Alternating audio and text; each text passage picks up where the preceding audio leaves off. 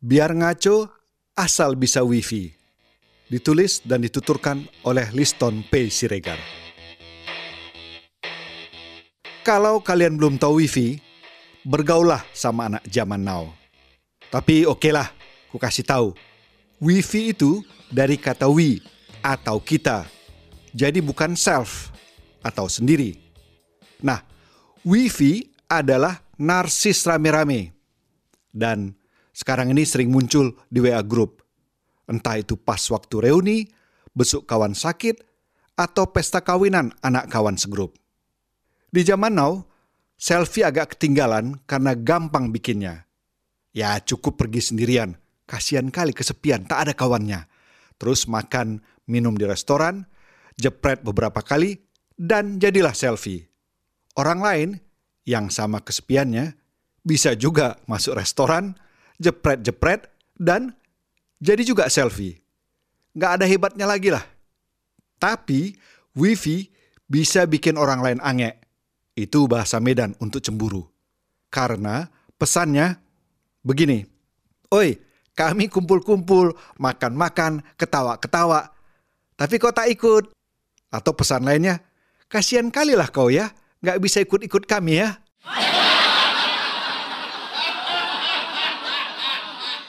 Dari belasan WA grupku, kalian punya ada berapa? Nah, ada satu yang super kreatif, yaitu grup SMA 3 kami dulu. Grup ini tak capek-capeknya mencoba hal-hal baru demi wifi, supaya nampak lebih jago, lebih hebat, dan lebih penting lagi, bisa bikin orang lebih angek lagi. Wifi di WA Group lama-lama sebenarnya cuma ngulang-ulang saja waktu reuni pakai baju atau oblong seragam. Terus pas kawinan anak, foto rame-rame. Dan membesuk kawan sakit, juga ada fotonya rame-rame. Sampai saat kemalangan. Memang sakit dan kematian suami, istri, ayah, ibu, dan anak adalah berita sedih. Tapi gitulah. Demi wifi, maka semua bisa diatur.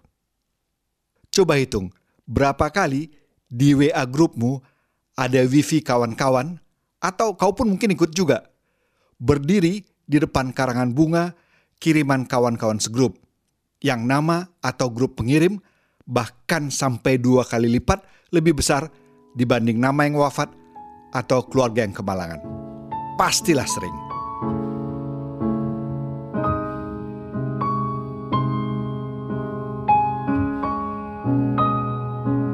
Wifi memang sudah membawa lawatan kemalangan ke tingkat yang jauh berbeda dibanding sebelum luasnya telepon genggam Samsung, Apple, Huawei, dan media sosial serta WA Group. Dan karena perilaku Wifi seperti itu sudah biasa, maka WA Group SMA 3 kami berupaya melaju ke depan dengan Wifi. Bagaimana caranya? Inilah dia ada kawan yang usul agar membuat usaha kecil untuk menjual makanan. Karena katanya hampir tiap akhir pekan pasti ada bazar di mana-mana. Kawan itu pun membuat kalkulasi dengan biaya pendaftaran stall, pembelian bahan, estimasi pendapatan, lengkap dengan saran produk yang dijual berupa jajanan yang tahan lama. Kalau segar, tambahnya, sulit menyiapkan, dan repot melayani pembeli. Terus masih ada lagi resiko yang tak laku itu jadi terbuang. Begitulah alasannya. Semuanya bersemangat, kecuali aku. Tapi menanglah suara yang setuju. Jadi diputuskanlah berjualan kastengel, nastar, dan brownies dengan merek S3 Cool. Komentarku bernada canda, tapi bermakna serius. Kalian bikin tes saja cuma teriak sama pembantu, mau jualan kue pula, manalah jalan. Tapi balasannya serba meyakinkan. Seperti, jangan anggap remeh bro, selama ini bukan tak bisa, tapi tak sempat. Ada pula yang bilang begini, belajar tak mengenal usia. Disusul gambar berlatar hijau muda dengan meme dua tangan berdoa dan tulisan miring berwarna putih. Tuhan memberkati mereka yang selalu belajar. Tak kalah banyaknya stiker-stiker dukungan. Mulai dari tuyul yang mengangkat telunjuk dan jari tengah, pria Arab berkafieh yang bilang aneh dukung, sampai mendiang Presiden Soeharto dengan saya nyatakan semua setuju.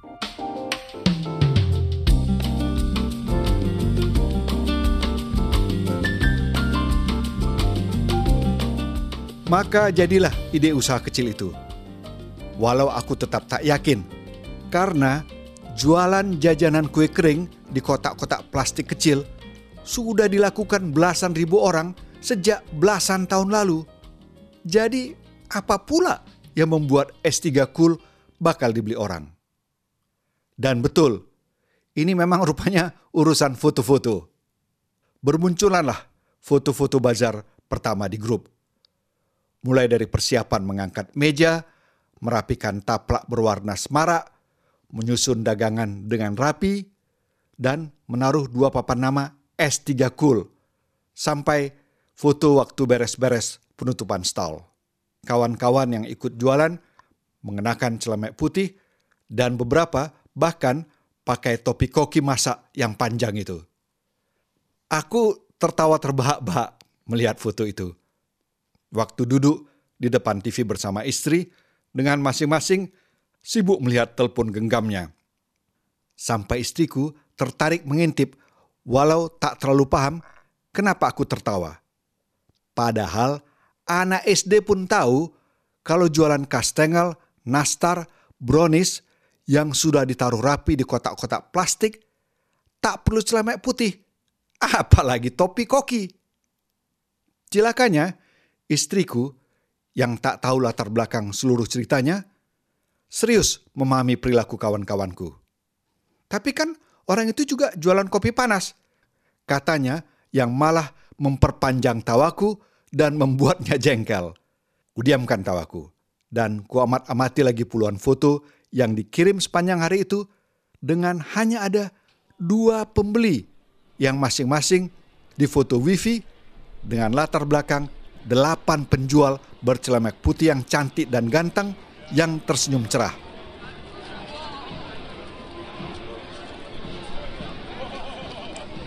Rasa lucu berlanjut karena ada beberapa ucapan selamat di grup WA kami. Ayo bro sis, semua pencapaian besar dimulai dari langkah kecil. Plus gambar Neil Armstrong waktu jalan di bulan dengan kutipan One small step for man, One Giant Leap for Mankind. Ada komentar dari yang ikut jualan yang pakai celemek dan topi koki tadi. Ayo, ayo, ayo, kita ramaikan, kita hebohkan. Tersenyum-senyum sajalah aku menyaksikan lawakan manusia itu.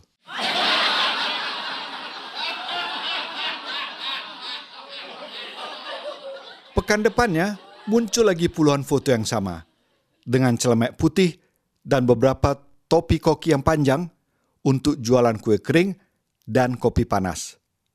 Namun parahnya kali ini sama sekali tak ada foto pembeli. Walau tak selucu yang pertama, aku masih tersenyum-senyum sambil membayangkan berapa kalilah nanti dipakai celemek putih dan topi koki itu sebelum diapkirkan. Karena yakin aku, pembantu orang itu di rumah yang masak sampai asap mengepul-ngepul dan kuah yang bercipratan tak akan mau pakai celemek. Apalagi topi koki yang panjang. Nah, setelah sebulan atau empat kali jualan, S3 Kul bubar total. Dan tak ada lagi yang membahas.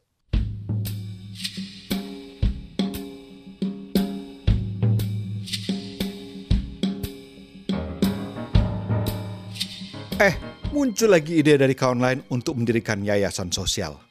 Begini katanya, saatnya memberi kembali ke masyarakat.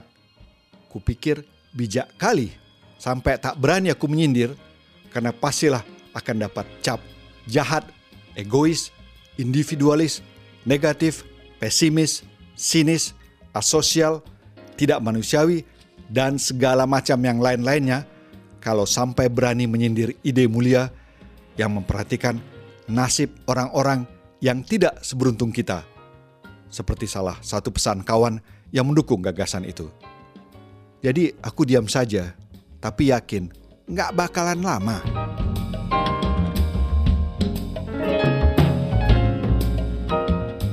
Nama yayasannya dipilih S3 Kasih dan langsung pula beredar penjualan oblong berlogo S3 seharga 100 ribu perak.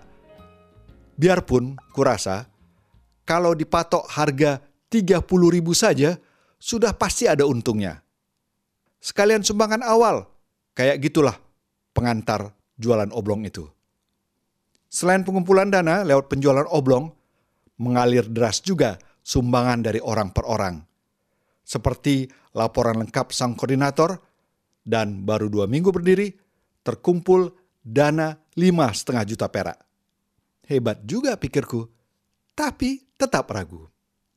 Beberapa hari kemudian, album berisi puluhan foto terpajang di WA Group, menayangkan kawan-kawan yang dulu juga aktif di S3 Cool, dengan tambahan beberapa kawan yang saleh beragama yang tiap pagi bangun tidur dan tiap malam mau tidur mengirim kutipan Alkitab atau Al-Quran di WA Group. Album Wifi S3 Kasih dimulai dari foto sambutan oleh koordinator di depan kerumunan orang dan kawan-kawan yang duduk serius bersama para anak yatim piatu. Ada juga makanan prasmanan yang disiapkan, bingkisan buku tulis dan pulpen, serta foto bersalaman sambil menyerahkan amplop sumbangan kepada pengurus rumah yatim piatu. Minimal sejuta pikirku. Tambah makanan dan bingkisan ke anak-anak, ya lewatlah dua juta sekali acara. Barulah disusul wifi sebenarnya.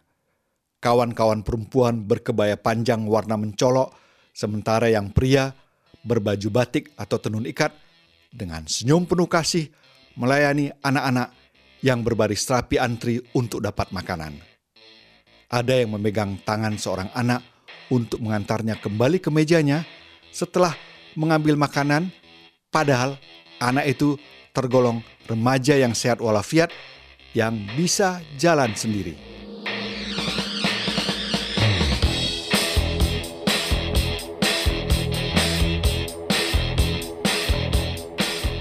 Tapi kurasa puncaknya adalah wifi saat makan dan usai makan para kawan-kawan yang hidupnya selalu penuh dengan kasih itu mendekatkan kepala mereka dari sisi kiri dan kanan ke arah seorang anak sambil mengangkat jempol dan tertawa riang.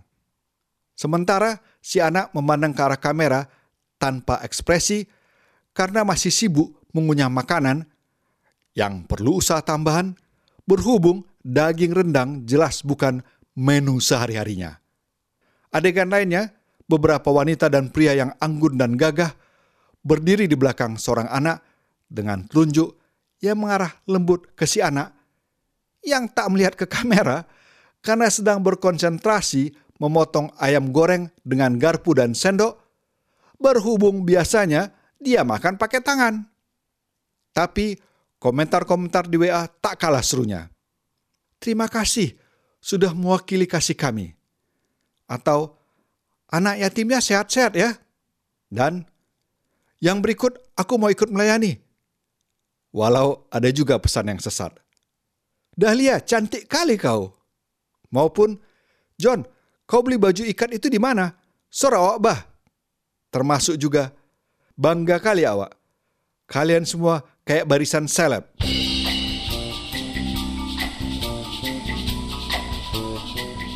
Aku diam saja walau terasa agak perih juga di hati. Karena mereka mengeksploitir anak-anak yang tak punya pilihan, sementara anak-anak mereka dengan mudahnya akan menolak berwifi karena sibuk mengupload fotonya sendiri di Instagram atau main game di HP-nya. Tapi kutahan untuk tidak berkomentar. Karena kuhitung tetap saja terlalu mahal menghabiskan sekitar 2 jutaan untuk satu kali wifi. Dua kali dan bubarlah pikirku. Menjelang lebaran, kunjungan kedua ke rumah yatim terwujud dengan modus operandi yang sama. Saling sambut pidato, makan bersama. Jadi album fotonya tak berbeda jauh ketika dipajang di WA keesokan harinya. Tapi kali ini kekesalanku memuncak. karena kawan-kawan yang non-muslim menggunakan busana bergaya muslim. Yang pria pakai baju koko putih dengan peci hitam yang licin. Sementara beberapa kawan perempuan mengenakan selendang halus yang dilingkarkan ke bagian kepala seperti kerudung. Yang aku yakin cuma untuk bergaya, bukan dengan semangat solidaritas. Miris rasanya aku menyaksikan orang-orang yang sandiwaranya sampai memasuki ranah agama dan memanfaatkan anak-anak yang bernasib tidak sebaik anak-anak mereka. Jadi kutulis, gak malu kalian ya, mengeksploitir agama dan anak-anak yatim hanya untuk wifi, dan kupencet tanda panah untuk mengirimnya. Entah caci maki apa pun yang aku dapat nanti, tak kuperdulikan lagi.